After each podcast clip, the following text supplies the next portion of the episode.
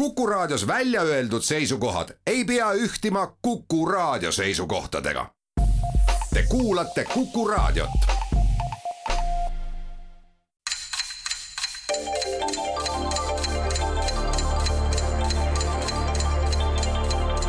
tarkade klubi targemaid küsijaid toetab lisateadmistega Postimehe raamatukirjastus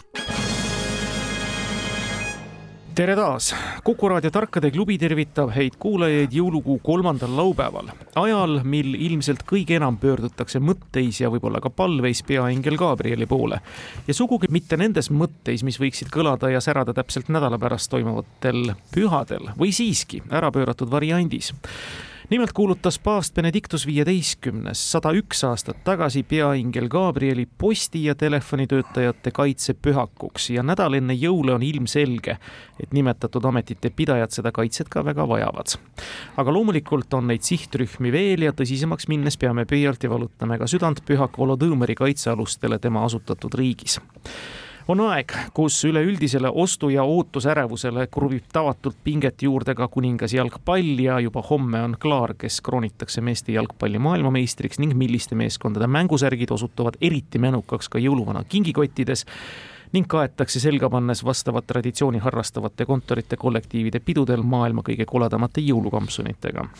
tarkade klubi kollektiiv oma mõõdukast keskmisest veidi enamas jalgpallihuvis peab ka oma soosikutele pöialt koleda jõulukampsuni kultuuri ei viljele, vähemasti stuudiotes mitte, ja katsub oma mõttemotoorika suunata lähemal tunnil tegevustesse, millega kuulajaid rõõmustada.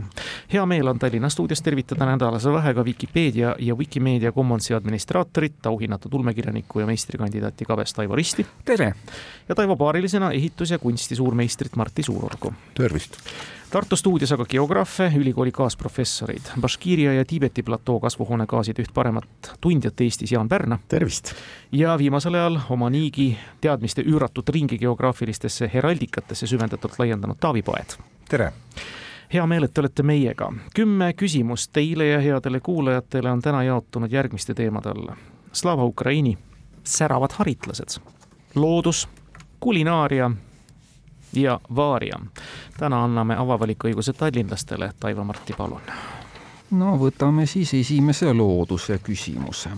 vabariigi president kuulutas järgmise Riigikogu valimised juba mõni hea nädal tagasi välja poliitikute jooksuaeg ja rituaalsete tantsude esitamine on seega juba käimas kuna faunamaailma kaudu kirjeldamiseks siinkohal juba läks, siis öelge välja üks mõnikord kujundlikult poliitikutega võrreldav loom, kelle nimetuse etümoloogia kreekakeelses originaalis maalõvi või mullalõvi tähendab poliitikutega hakati neid juba iseseisvuse taastamise perioodil kõrvuti asetama ning seda vähemalt osa rahvaasemike ministrite ja teiste taoliste puhul ka teatud kindlal põhjusel. kõnealuse võrdluse aluseks on küsitavatel kromatofoori nimeliste rakkude ilmekalt avalduvast toimimisest tulenev spetsiifiline fenomen. vägagi looduse küsimus. Kreeka keel. maa, lõvi, maa on ju geo ja lõvi. Geoleo. Ladina keeles on leo, aga kuidas kreeka keeles on? Herakles tappis Neemea lõvi ma ei tea, kromatofoor, seal oli mingisugune vihje kromatofoori rakkudele, need on need, mis äh, annavad värvi, aga kui inimene punastab, see ei tule ju kromatofoori rakkudest. Äh, punastamine tuleb sellest, et, et äh, veri valgub pähe, veresooned laienevad. Oota, mismoodi nüüd vastamine peab? kromatofoori rakkudest või võib tulla päevitamine. küpsemine. aga mis seal inimese kehas küpseb midagi vajus küpseks. oota, mis, mismoodi, mida, mismoodi me peame vastama? siin küsitakse ühte looma no,, loom. keda võrreldakse poliitikutega, iseäranis nüüd siin jooksuajal ja rituaalsete tantsude esitamise aegu. ja see kõnealuse võrdluse aluseks on siis küsitavatel loomadel kromatofoori nimeliste rakkude ilmekalt avalduv toime või fenomen. kameeleon, kameeleon. muidugi kameeleon oh., küsimuse sõnastus ja krüptika jättis vist natuke hämmingusse see oli nii krüptiline, et alguses ei saanud aru ööd ega mütsi, aga kui, kui teist korda ette loeti, siis midagi hakkas koitma võtma. nii et tõepoolest laske teinekord ette lugeda ka. kameeleon kreeka keeles siis hamaleion, leion on siis lõvi. erinevaid liike hõlmav roomajate sugukond, kromatofoorid on rakud, mille töö tulemusena nad sageli ilmekalt värvi muudavad. jah, ja nõukogude aja lõpus eeskätt jah, omandasid nii mitmedki ühiskonnategelastest enda senise punakanaha asemel siniste, mustade ja valgete toonidega kehakatte. head tartlased, teie valik. Kas me tervitame uut rubriiki? säravad äh, haritlased. haritlased. jah ja,, muidugi, me oleme ikkagi ju Meie need olemegi. meie Tartust ikkagi jah. tuumafüüsika isaks tituleeritud Uus-Meremaalt pärit Ernest Rutherford oli geniaalselt andekas. ma tean, kuidas aatom välja näeb, hüüatas ta retooriliselt, aga täie õigusega. kuid nii nagu paljud teisedki suurvaimud, oli Rutherford iseloomult uhke. Tema minapilt ja eneseidentiteet nimelt füüsikuna oli kaljukindel ning füüsikat kui teadust pidas ta teistest kõrgemaks või siis kõige muu aluseks. kogu teadus on kas füüsika või margi kogumine, on ta sellega seoses öelnud.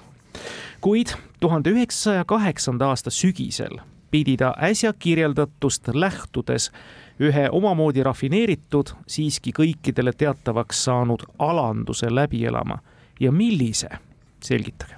ja kus maal ta tegutses? Uus-Meremaalt pärit.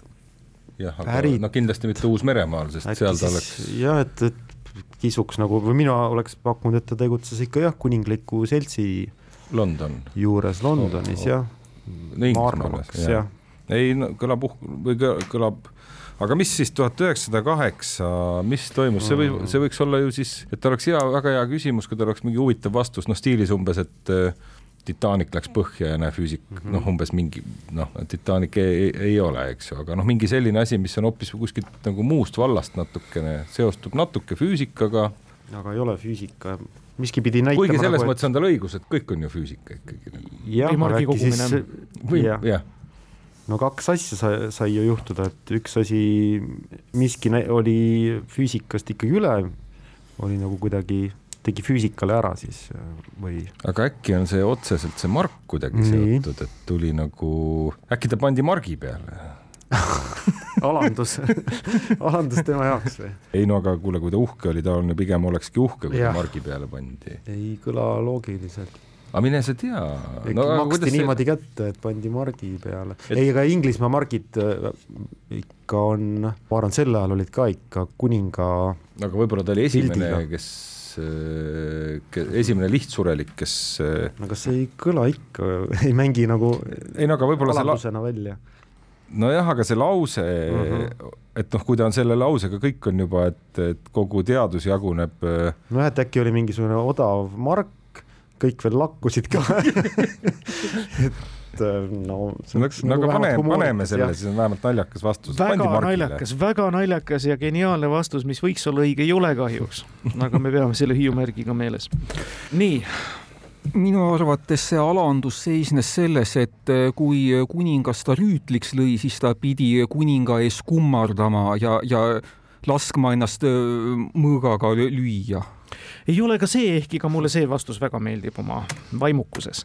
alandus seisnes selles, et ta sai Nobeli preemia, aga mitte füüsikas, vaid mm. keemias, radioaktiivse keemia valdkonnas elementide lagunemise uurimise eest ja see oli tõeline avalik alandus. sest et no, see ei tema jaoks nagu teises liigas no absoluutselt. teise liiga karikas rahupreemiat Nobeli füüsikaauhinna omandas aastal tuhat üheksasada kaheksa hoopis Luksemburgist pärit juudi rahvusest Prantsusmaa esindaja Gabriel Lippmann valguse interferentsi abil värvide reprodutseerimise meetodi avastamise eest. meenutagem siis, et aasta hiljem, tuhat üheksasada üheksa pälvis keemiapreemia siis Tartu Ülikooli vilistlane Wilhelm Ostwald. nii et seesugune alandus. aga palun, nüüd on vist nõnda, et Taivo Marti saate teema valida.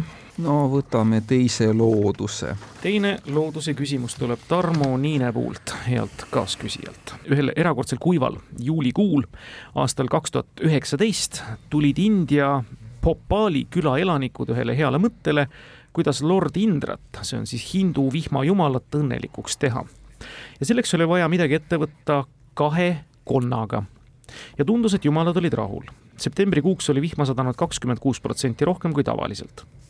järgmisel päeval tuli kolmeteistkümne aasta jooksul sadanud vihma rekord. Kahekümne nelja tunni jooksul tuli maha nelikümmend kaheksa millimeetrit vihma ja nüüd oli vaja ette võtta juba järgmine tegevus konnadega, et see vihm ometi kord lõpeks. ja mida nende konnadega siis tehti, kõlab küsimus ja üldjoontes on ikkagi tegemist päris inimliku tegevusega. üldiselt arvatakse, et kui konnad krooksuvad, siis konnade krooksumine ennustab vihma tulekut, aga seoti neil suud kinni. konnal on lai suu, seda on keeruline kinni siduda. Ja see pidi olema suhteliselt inimlik käitumine. nii et siis mingisugust konna suu kinniteipimist ei, ei olnud kas need leiti kuskilt vett ja pandi need konnad vette ja kui jällegi taheti kuiva, siis pandi need kuskil kui, kuiva ruumi lihtsalt kinni need. siis võeti veest välja. jah, võeti nad eemal siis. no see on, ütleme nii, see on see, mis esimesena pähe tuleb esimesena tuli see teipimine meelde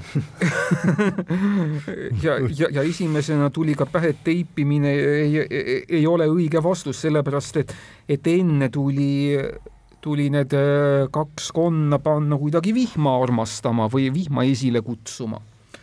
Popal, ma usun, et mingil määral võis neil vih-, vett siiski olla varem tagavaraks, nii palju, et konnadele piisas spets, niisugused ennustuskonnad nagu see jalgpalli ma ei usu, et nad olid eh, mingisugused erilised ennustuskonnad. Indiale, India, Indias ei ole minu meelest konnade põhjal ennustamise kommet, nad vist võtsid lihtsalt kaks suvalist konna, keda kätte said. üks võimalus on tõesti, et neil olid eh, vanadest varudest mingisugune veevaru olemas, kahe konna jaoks ei ole seda väga palju tarvis, võib-olla isegi liitrist piisab, et kõigepealt panid kaks konna sinna ujuma, et Indret õnnelikuks teha ja pärast võtsid kaks konna veest välja. kas pakume seda? no nii, nii ma mõtlesin. hea küll, pakume seda. ei ole see kahjuks õige vastus ja tartlased, kuidas töötab e-fantaasia? no mis siis konnaga teha, et tahaks vihma no üks vihje oli, et see on väga inimlik tegevus. Ja, ja minul no, see... pool ajast ma mõtlesin, et äh, mis on üldse inimlik asi, mis ma saan konnaga teha ja mis nagu oleks ka natukene nagu tseremoniaalne näeks välja, et noh, kui ma teda söödan või tõesti vette, vette panen, noh, see ei kanna kuidagi nagu sellist äh, ja teises üritust välja. teises äärmused on need natale konna naha üle.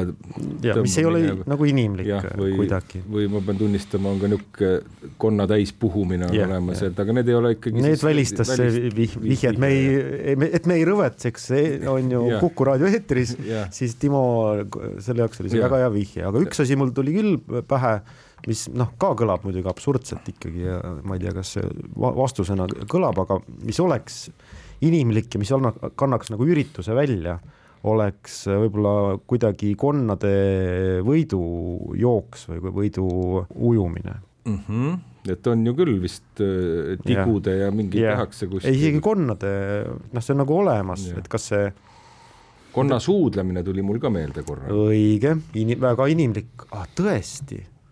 Konna suudlemine on ju väga inimlik tegevus väga ei ole ikkagi no kui sellest prints välja kasvab, siis äh, on nagu täielik äh, jackpot. aga noh, siis võiks ikkagi korraks kontrollida, et, et mis nad siis selle vastupidiseks efektiks Nad ühel juhul õudselt musitasid ja no see ikka. oota, üks asi on ka, et miks neid kaks oli, kas juhuslikult no,? noh, korra mõtlesin ka mingi, et, et ühel juhul hoiame koos, et siis nagu tuleb vihma ja siis kui noh, midagi sellist, aga no ma ei, ega ma siit. paneme kaks konna kokku. jah, aga noh, et ega me ei tea kõik need sugude värgid ja asjad, et kas on midagi, need olid juhuslikud konnad või, või. poiss ja tüdruk, kas pandi ja. kokku või ja mis siis toimus jällegi hästi ei kanna üritust välja aga no aga mis selle muidugi see, et see iseenesest see ujumise või võitlemise, noh, mitte võitlemise, aga. no mine nagu tea huvi..., võitlus, aga no põhimõtteliselt võistlus. nojah, aga, aga et, et, et mis sellega siis nagu, et tegelikult, kui sul on vaja midagi. jah, ja sa paned võistlema. siis sealt ei tule ju nagu, et nüüd tuleb. iseenesest või võistlemine, noh, meile ei, ei seostu sellise nõidumisega, aga, aga kas, kas vanadele rahvastele paljuski ei seostunud, kas needsamad antiikolümpiamängud ei, ei kasvanud või ei arvata, et kasvasid välja sellistest jumalatele ohverdus noh, mängudest või või festivalidest, et, et seal see võistlemine oli rohkem nagu noh, ainult osa asjast, et tegelikult see oli nagu suur riitus noh, kui see võistlemine mingil moel on, siis ilmselt saaks punkti selle eest. no kui on aga... üks sport on kuidagi servapidi mängus. sport on ju Timo südames ka, nii et. ja ühtegi spordiküsimust pole siin. ei ole olnud, et äkki see on. aga vastame siis. et nad panid võistlema, konnad ei ole kahjuks õige vastus. konnasporti küsitakse küll üsna tihti teinekord, konnadel no. arvestatakse vist isegi mingit kõrgushüppe maailmarekordit. ma ei ole vastanud ühtegi. ja, aga ei ole kahjuks õige vastus see. ikkagi see käis teil muide läbi, need konnad laulatati Mm -hmm. selleks, et vihma saada ja seejärel lahutati, et see vihm ära lõpeks. tõepoolest vastavate rituaalsete toimingutega. see on siis vastus sellele looduse küsimusele.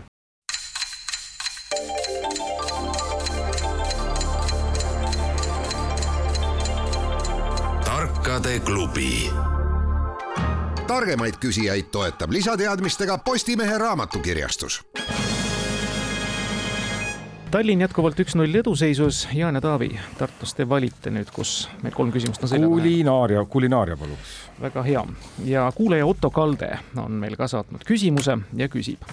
selle teatud laadi eritoiduna käsitletava toote retsept töötati Nõukogude Liidus välja tuhande üheksasaja kolmekümnendatel aastatel partei ladvikusse kuuluva Anastas Mikojani isiklikul juhtimisel. toode oli ette nähtud toidulisandina patsientidele, kellel olid pikaajalise paastumise, no pigem ikka nälgimise tagajärgedega seotud somaatilised tunnused.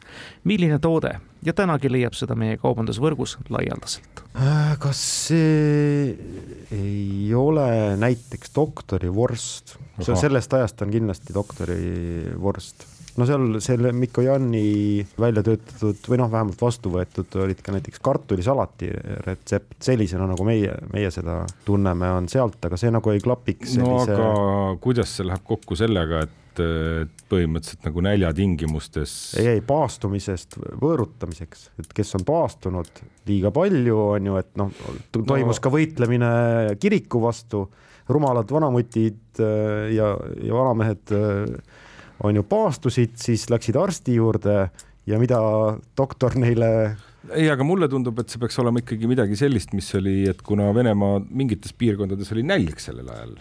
oli, oli, aga, aga, aga saad aru, samal ajal. geniaalne Mikko Jan mõtles välja mingi odava ja lihtsa toidu, mida sai. aga see nagu... ongi, doktorivorst oligi aga doktorivorst ju praeguses klassifikatsioonis ei ole kõige odavam vorst minu meelest ei, see kõik võib olla, aga see peaks olema, ei, ma olen üsna, üsna okay. kindel no., paneme doktorivorst. ärge kaklema minge, see on doktorivorst muidugi, mis see muu saab olla, üks-üks selle ja, peale. üks-üks. ja palun, Taivo Marti, teie valik.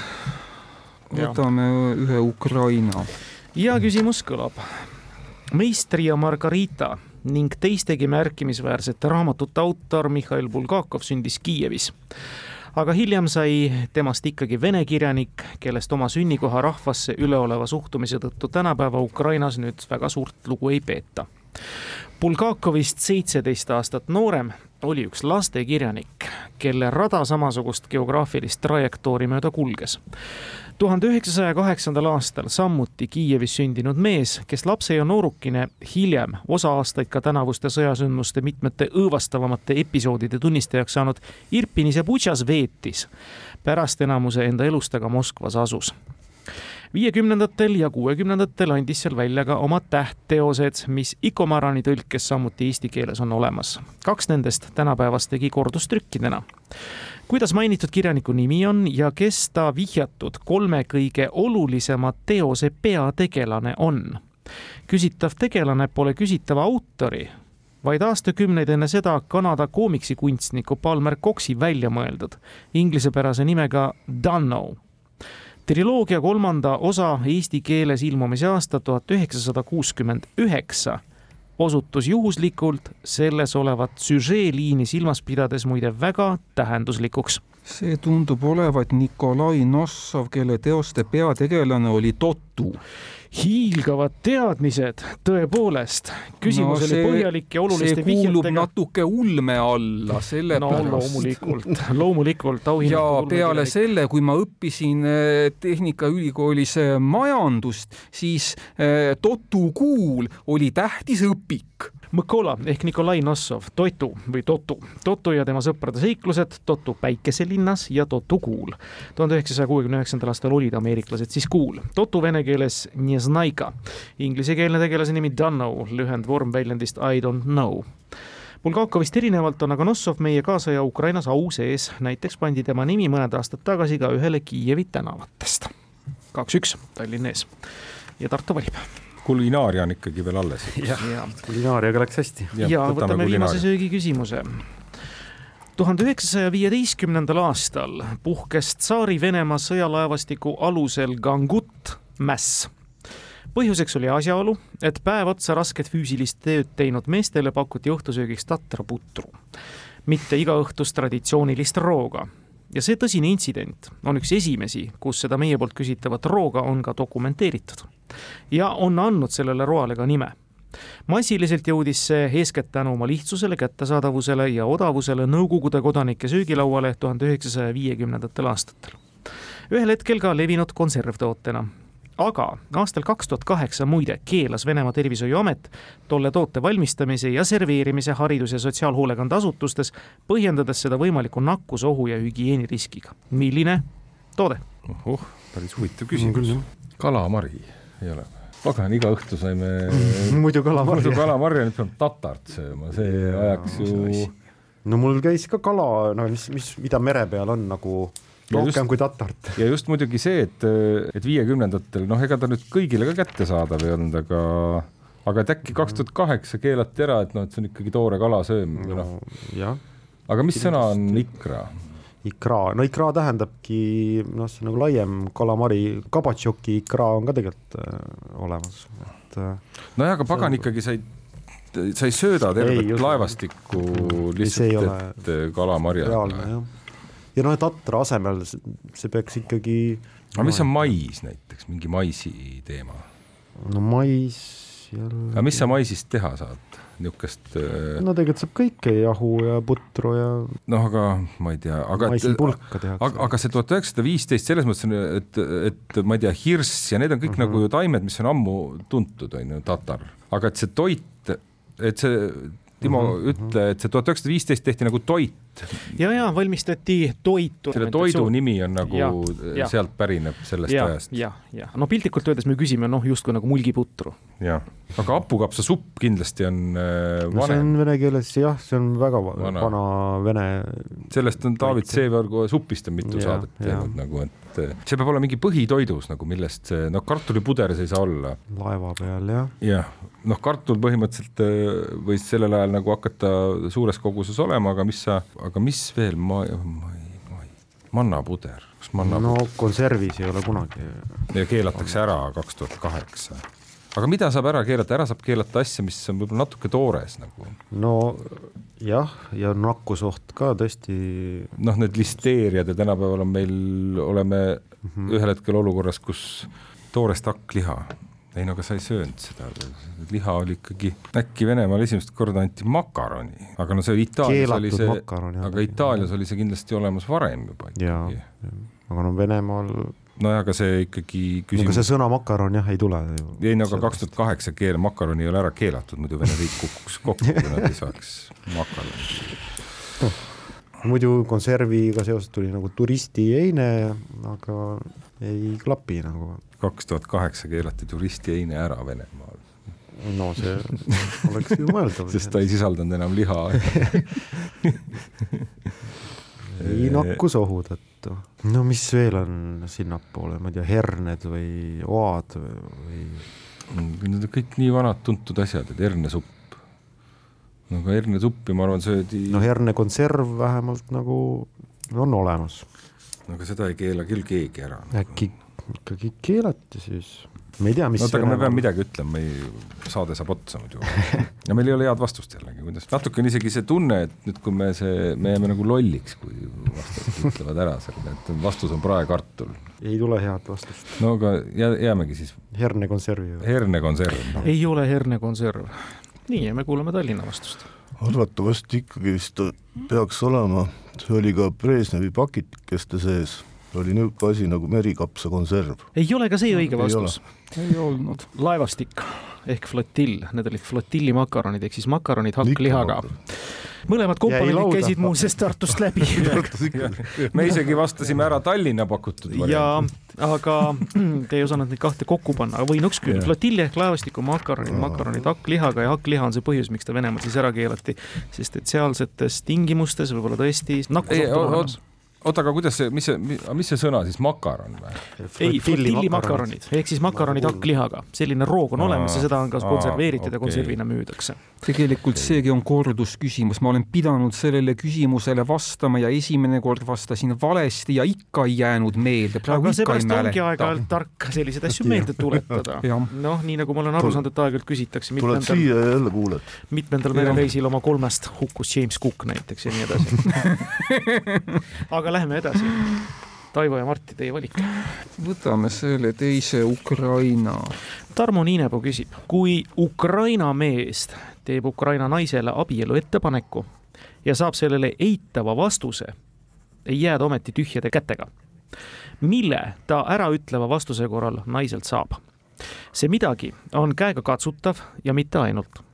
sümbolina on selle ulatamine õnnetule mehele muidugi rituaalne mis peaks siis vastavate uskumuste kohaselt aitamaks korvi saanud meestel säilitada enesekindlust, maskuliinsust ja tervist. sümbolväärtust omab küsitav subjekt üle kogu maailma, ütlemata palju, eriti ööl vastu hingede kuu esimest päeva. hingede kuu esimene päev, mis kuu on hingede kuu? november. november. hingede päev on ju teine november ja siis see USA värk on ju Elloviin. ahah, et siis mingi kõrvits või vist jah, noh, hea küll, pakume siis Kõrvits. kõrvitsa. aga nii ongi, korvi saanud mees saab naiselt kõrvitsa, pea püsti, küll läheb edaspidi hästi. selline traditsioon on olemas. Tallinn kolm, Tartu üks. meil vist on nõnda, et kolm küsimust on lõpuni minna, nii et kõik variandid veel õhus mängu lõppseisu silmas pidades. Jaan Taavi, haritlased või vaaria? jätame vaaria lõppu. haritlased. haridusteaduste doktor, Malta ülikooli haridusteaduskonna lektor ja pealinnast Vallettast mõne kilomeetri kaugusel asuvas Paula linnas paikneva Püha Joosepi Materbuuni konsiili kooli praegune direktor Kennet Vella. on antud hetkel ka Eestiga mullu suvest teatud erilisel viisil seotud ja me küsime, millisel viisil. ja ei pea siinkohal silmas üldist tõsiasja, et ta on oma kooli ja riigiharidustehnoloogiate kasutusele võtmisel ning arendamisel Eestiga koostööd teinud, vaid konkreetselt midagi muud. küsitavas tähenduses on doktor Vella lisaks soomlastigi jaoks seesama. pagan, ma oleks nagu kuulnud seda Vella no kas mingi vastuse variant ei või olla, et on aukonsul või? Eesti aukonsul. esindab jah, Eestit noh, niimoodi sümboolselt. millegipärast mul on tunne, et tast on mingi jutt umbes stiilis, et on Pealtnägijas mingi lugu olnud või, või kuskil, et, et äh, korra läks mul mõte ka mingi usuteema peale, aga noh, ei saa olla, et ta on nagu ma ei tea, Eest-, ma ei tea, Eesti ja Soome kiriku mingi, mingi, ma ei tea, ei, aga see vist ikkagi ei ole. no see oleks natuke võib-olla igav, et kui ütled, et on Eesti konsul. on küll jah. aga põnevamad mõelda, siis noh, ma ei tea, need ordud, ordu ajalugu on meil ju Malta ordu, Liivi, Saksa võt, ordu. vot, vot äkki see. see on äkki, äkki kuidagi võt, Saksa võt, ordu, Saksa ordu tegutseb kindlasti. jaa, aga, aga jällegi soomlased ei puutuks nagu üldse asja siis. seda küll, soomlastele, kes ta siis on. aga no midagi veel sellist, et mm, -hmm. et vabamüürlus loož, mingisugune yeah., mingisuguse loožingu, no. tema tegelikult valitseb Eesti ja Soome nagu üle, üle aga mis asi see Malta ordu on? no Malta ordu on rüü-, keskaegne, aegse päritoluga rüütli ordu. aga see otseselt nagu Eestist ei puuduta vist eriti või? Eestiga jah, ei tea, et oleks Malta ordu oleks jõudnud, noh, arusaadaval põhjusel, et siin oli niivõrd, Eesti oli ise kirikuriik. ja samamoodi on olemas ka ju mustpeade vennaskond. vot see, ei, aga see on ikka teine asi, see ei ole üldse kiriku või usu ei, ei, ma mõtlen, aga mustpeade vennaskonna juht on see Vella näiteks. Noh. ahaa, mustpeade vennaskond aga jällegi... on küll organisatsioon, mis on olemas kusjuures tegutseb, seal oli ju suur, suur tüli oli Mustpeade maja, pärast ja, nad taotlesid ja. tagasi seda ja ei saanud. Aga kas jällegi see Soome liin? jah, et kui, kas Soomes olid mustpead mõnes, mis linnas siis saaks olla? Turus. No aga vastame midagi ära, siis tegelikult me paneme tule... siis kumba paneme, kas Mustpead või Saksa ordu? no paneme Mustpead. paneme. ei ole kahjuks see õige vastus. Martti, Taivo. nii, no kui Mustpead ei ole, siis jäid järele vabamüürlased ja Saksa ordu või kas sul mingeid täiendavaid pakkumisi? no aga ikkagi see Malta ordu on ka ju Malta ordu on ka, see on mingisugune poolriiklik moodustis, aga kuidas ta siis eestlaste jaoks oluline on? minu meelest no, si ma... siin on ka ilmselt siis mingi haru. ma ei ole kuulnud nagu mingist Malta ordu harust Eestis, nii et ma ei tahaks seda Malta ordut pakkuda no,. siis pole mõtet ju Saksa ordut vaevalt pakkuda. aga äh, Saksa ordu on Eesti jaoks siiski mõnevõrra tähtsam kui Malta ordu, sest ajalooliselt Saksa ordu on Eestit valitsenud, Malta ordu näiteks ei ole. ja siis muidugi mingid vabamüürlased ja illuminaadid ja kes kõik veel, kelle juhte me ei tea. no siis üks variant on ju see, et aukonsul et äh, seesamune on äh, korraga nii hästi Eesti kui Soome aukonsul, kas seda mõtled või? või, või kasvõi sa, kui sa räägid poolriiklik, on see Malta ordu no,, et Malta ordu suursaadik Eestis ja Soomes. ta ju töötab Malta ülikoolis lektorina. no las ta töötab ta, ta ei saa olla sealt Maltalt, Malta ordu suursaadik Eestis ja Soomes. aukonsulid saavad olla ju, ükspuha milleks. aukonsul võib olla, ta, see on küll imelik, et ta on korraga kahe riigi aukonsul, aga see on teoreetiliselt võimalik. äkki on Eesti esindaja siis ja Soome esindaja Maltal, võtame siis sedapidi. nojah see on teine võimalus, et ta on äh, nii hästi Eesti kui Soome aukonsul Maltal. see on küll imelik pakkumine, aga see, hea küll, pakume siis sedapidi, et on Eesti ja Soome aukonsul Maltal väga lähedal, aga ei ole õige vastus. loeme selle küsimuse või õigemini vastuse siis igavate kilde, isegi mitte aukonsul, vaid päriselt, päriselt. ta on Malta Vabariigi erakorraline ja täievoliline suursaadik Eestis ja Soomes ja ta on mitte resideeruv suursaadik. see ametikoht on täiesti olemas, ka Eestil on mitmeid suursaadikuid, kes resideeruvad tegelikult äh, Islandi väljakul, olles samal ajal siis mõne riigi suursaadikud, noh näiteks Vatikan.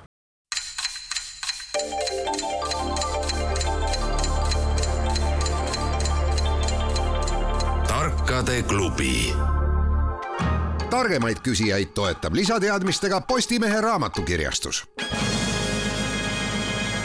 nii et punkti see küsimus ei toonud. Kummalegi poolele, Tallinn kolm, Tartu üks, meil jääb Vaaria tänast mängu lõpetama ja Toivo Marti saavad esimest Vaariat kuulda. Teena Sivadi küsib, tehiskaaslast, mis tiirleb maa orbiidil, on nimetatud ka Sputnikuks, sest et tõepoolest esimene taoline riistapuu, mille venelased viiekümne seitsmendal aastal kosmosesse saatsid, seda nime kannab.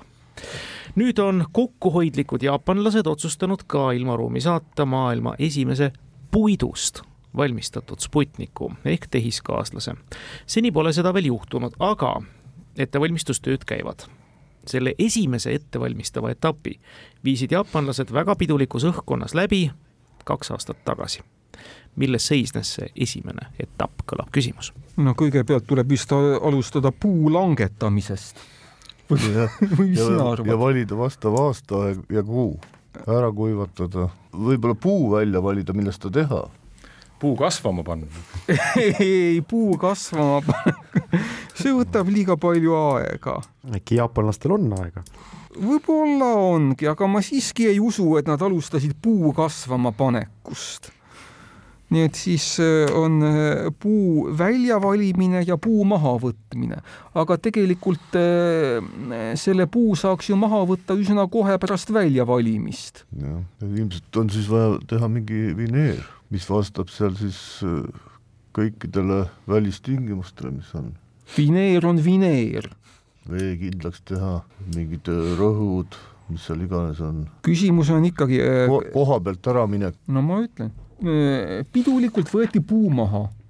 noh, jah pakume seda. ei ole õige vastus ja Tartu? ei ole kuulnudki tõesti, et äh, ökokosmonautika, üldse selline valdkond äh, elus on olemas, selle võrra oleme kohe targemad. aga äkki Timo oli nii vait, et äkki ikkagi olidki kasvama pannud? panid kasvama, no aga, aga samas väga, väga asiaatlik oleks. jah, aga samas nagu mõtled, et noh, et, et on mingi puuliik, noh, iga puuliik ilmselt noh, osad ei puuliigid sobi, jah, kohe jah. välistatakse ja, ja ilmselt on seda ikkagi puud võtta nii, on niisama ka võtta, nagu ma mõtlen, et ei pea kasvama panema, kuigi sümboolselt võib-olla see. ahah, nojah, et äh, ma mõtlesin ka, et kui ikka tõsiselt äh, mõelda, et noh, see materjali võib-olla siis välistame, et mingid katsed või noh, katset on ikkagi pidulikult äh, päris äh, halb korraldada ausalt öelda. nojah, on tegelikult on kaks teed, kas keerata absurd veel põhja või siis püsida edasi mõistuse raames, kuhu poole meie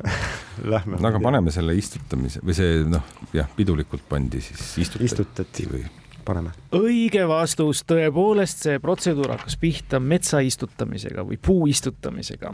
metsa istutamine, mille mm. puidust kavatsevad jaapanlased hiljem siis oma Sputniku välja ehitada, arendusmeeskonda kuuluvate Kyoto ülikooli ja Sumimoto metsanduse spetsialistide sõnul on puidust satelliit märksa odavam, no seda niikuinii, ning pärast oma töö lõpetamist, kui Sputnik siseneb maa atmosfääri ära põleb, on keskkonnamõju kordades väiksem ka kosmoseprügi jäävat oluliselt vähema järgi, puidust satelliit saab olema kuubikmõõtmetega kümme korda kümme korda kümme, mille esiküljele päikesepaneelid on pandud. vaat nii. ikka asiaat-, asiaatlik pikk mõte. asiaatlik pikk mõtlemine ja täpselt nii ja olite õigel teel ja tore oli teid kuulata. esimene mõte oli ka õige. täpselt ja pakkusite ka kandikul vastastele, et ei võetud mhm. -huh. vastu. aga selle küsimusega, mis nüüd tuleb, on teil võimalus viigistada, see on mängu viimane, te olete kaks-kolm taga. Tenno Sivadi küsib taas. selle, mida türklased nimetavad mandal baierlased Global ja Tšuvašid Hesterkech valmistas esimesena Briti-Ameerika usutegelane ema Ann Lee. selle asjanduse kaasaegse konstruktsiooni leiutajaks peetakse Vermontist pärit ameeriklast David Smithi, kes aastal tuhat kaheksasada viiskümmend kolm lisas sellesse konstruktsiooni vedru, mis suutis taluda suuremat koormust tuhande kaheksasaja kaheksakümne seitsmendal aastal lisas inglane Solon Moore olulise täienduse. silindriks rullitud vedru hakkas täitma ka telje rolli. Philadelphia raekoja ees asub sellele pühendatud tuntuim monument, terasest neljateistkümne meetri kõrgune popkunsti klassiku Claes Oldenburgi teos väga omapärase nimega Ameerika linnakese Middlesex kalmistul kaunistab see ese Jack Crowelli hauaküngast, kes püüdis sellest asjast vormida lõbusa mänguasja lastele. ja ka Kiievi suure prospekti ääres ilutseb sellelaadne aartobjekt, mille kohta me küsime Ohohoo. konstruktsioon, kus on vedru ja täiendatud vedru hakkab täitma ka telje rolli. esimene mõte tuli mul mingi, et õmblusmasin, aga noh, ma arvan, et Tšuvassid ikkagi mm ei tea õmblusmasinast. ei teadnud, et jah, et see. no üks asi, mis mul tuli pähe, ma ei tea, kas see klapib, nagu näiteks vurr, see vurr siis, mitte, mitte see, mida sa näpuga paned keerama, vaid, vaid mida sa väntad nagu. aga et esimese. see mänguasja osa just. keegi tegi tuhat kaheksasada viiskümmend kolm, Smith. võime äkki nii mõelda, et kui ta oli nagu Tšuvassidel ja olemas, siis see, see peab olema mingi, see ei saa olla kindlasti habemaamise aparaat ega noh, mitte mingi selline noh, et kas siis Tšuvassid on Põhja-Kaukaasia, eks ju või, või Kauka... ei, ei, Tšivašid on ikka seal Volgamaa. aga et millega nad elatust on eelkõige teeninud? no ikka kala ja põllu ja, ja sellise. vedru, sikuska, kalapüügi, ei no mis asja, telje, vedru, neljateistmeetrine.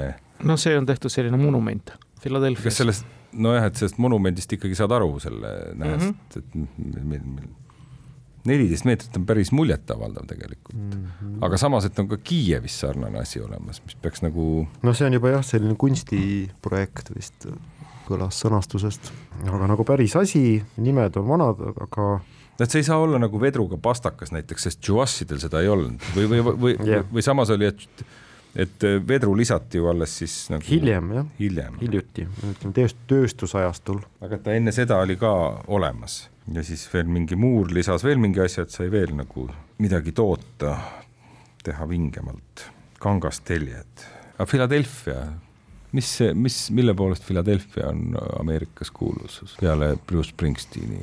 vabaduse kell tuleb mulle pähe seal, aga kas see kuidagi saab klappida? kell, kellal on vedru. see kell on äh, just see, mis lööb nagu see, nagu kirikukell, aga. aga tšuvassid jällegi, nende vedru ja kell ja kõik, aga muidugi tšuvassidel ei olnud vedru oi, oi. oi-oi-oi-oi-oi, jääb ainult loota ülihead vastust millega saab kuulutada selle väga heaks küsimuseks. ei, aga vastame ikka midagi ise ka, aga aga no kas näiteks vurri saab välistada või?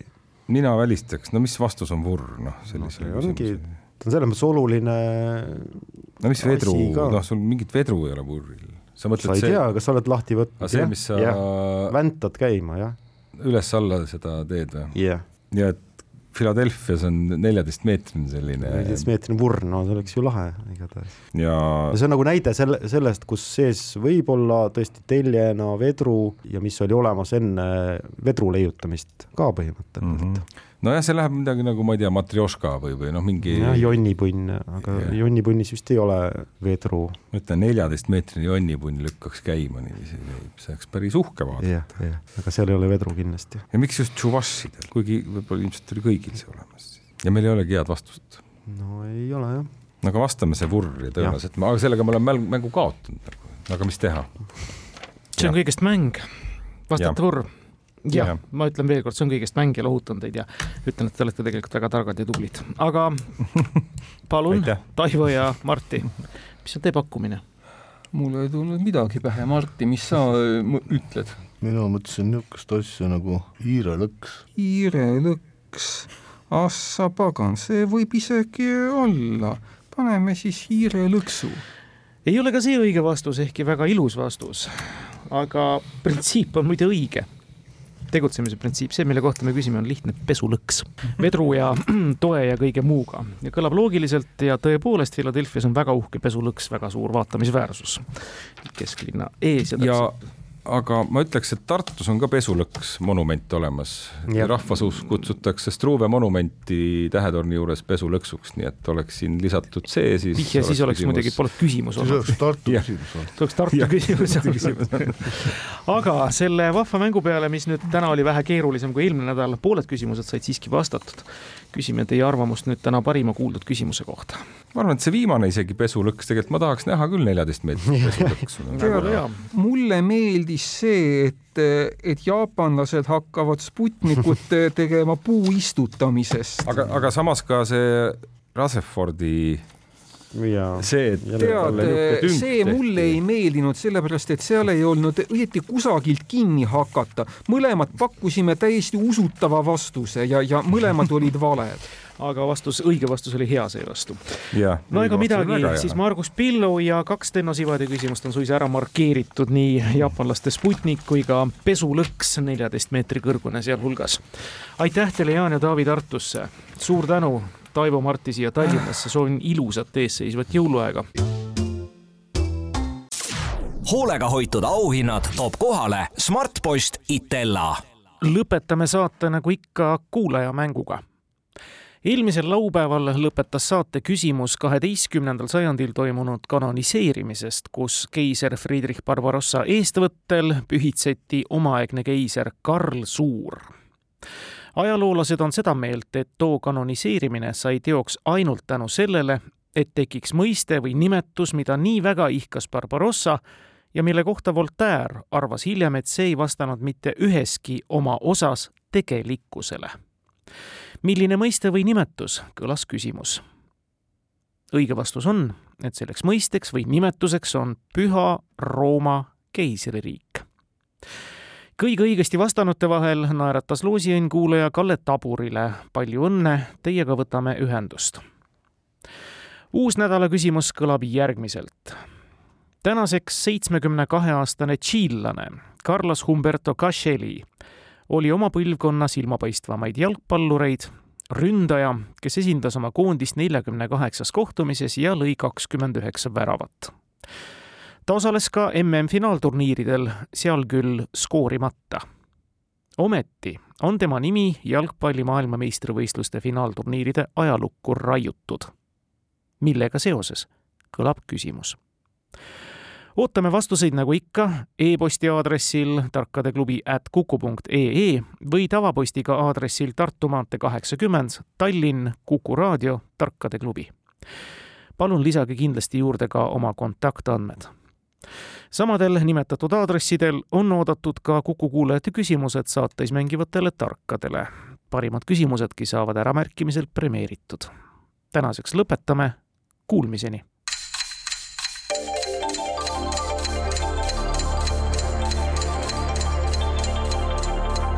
tarkade klubi. targemaid küsijaid toetab lisateadmistega Postimehe raamatukirjastus